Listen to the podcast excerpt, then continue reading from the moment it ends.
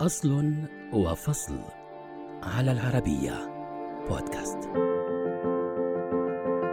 إن عجز أحدهم عن شرائها فإنه قد يصنعها من بقايا الأقمشة البالية ويجعل منها جزءاً من أجمل ذكريات الطفولة. كيف لا؟ وهي رفيقة الأوقات الممتعة والسنوات الأولى. إنها الدمى المحشوة التي لا بد أن كل شخص قد امتلك واحدة منها خلال حياته. لكن كيف تم اختراعها؟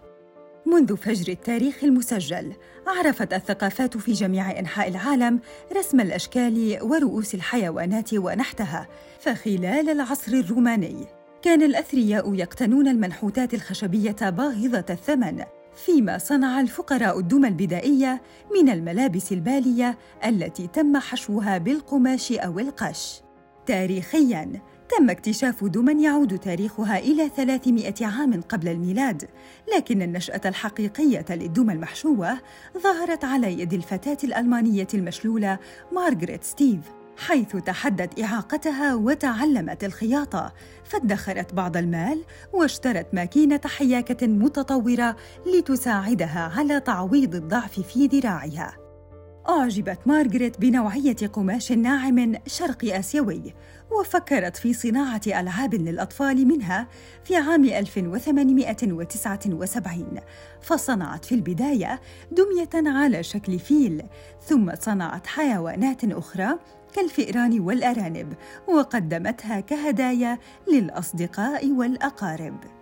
في عام 1988 افتتحت مارغريت متجرها الخاص لبيع الألعاب تحت اسم شركة ستيف ثم توسعت بأعمالها وضمت إليها ريتشارد ستيف وهو ابن شقيقها الذي صمم بدوره ألعابا أخرى. أبرزها دب محشو اشتهر كثيرا في عام 1903 وخصوصا في أمريكا حيث انتشرت دمية تيدي التي ابتكرها موريس ميتشتوم. المستوحاة من رسم ظهر فيه الرئيس ثيودور روزفلت مع دب صغير فيما كانت شخصية بيتر رابت من المؤلف الإنجليزي بياتريكس بوتر التي أنتجتها لاحقا شركة ستيف أول لعبة محشوة تحصل على براءة اختراع. خلال فترة الكساد الكبير انتشرت فكرة الحيوانات المحشوة مثل قرود الجوارب بين طبقة الفقراء فيما ظهرت آلاف الشركات المصنعة للدمى المحشوة حول العالم في أواخر القرن التاسع عشر. ففي عام 1986 أسست الأختان سوزان ناتسون وكريستال كيرك باتريك شركة بانيز باي ذا باي كهواية علاجية بعد أن فقدتا أقارب لهما في حادثة ألاسكا إحدى أسوأ كوارث الصيد التجاري في تاريخ الولايات المتحدة.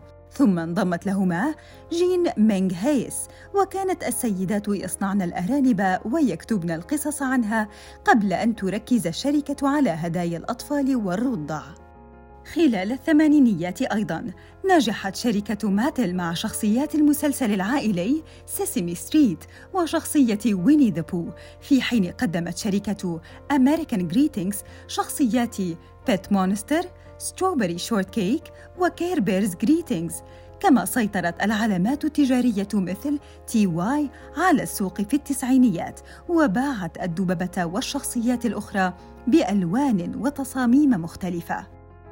اليوم لدى الأطفال والكبار خيارات غير محدودة لاقتناء الدمى المحشوة سواء من خلال شرائها أو صناعتها منزلياً فيما لا تزال الابتكارات مستمرة في عالم الألعاب الذي لا تفنى متعته.